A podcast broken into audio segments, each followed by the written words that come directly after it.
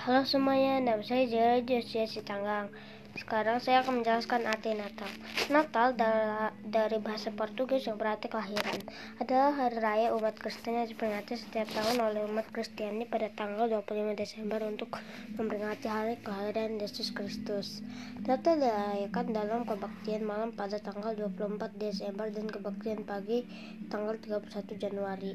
Beberapa gereja Ortodoks merayakan Natal pada tanggal 6 Januari.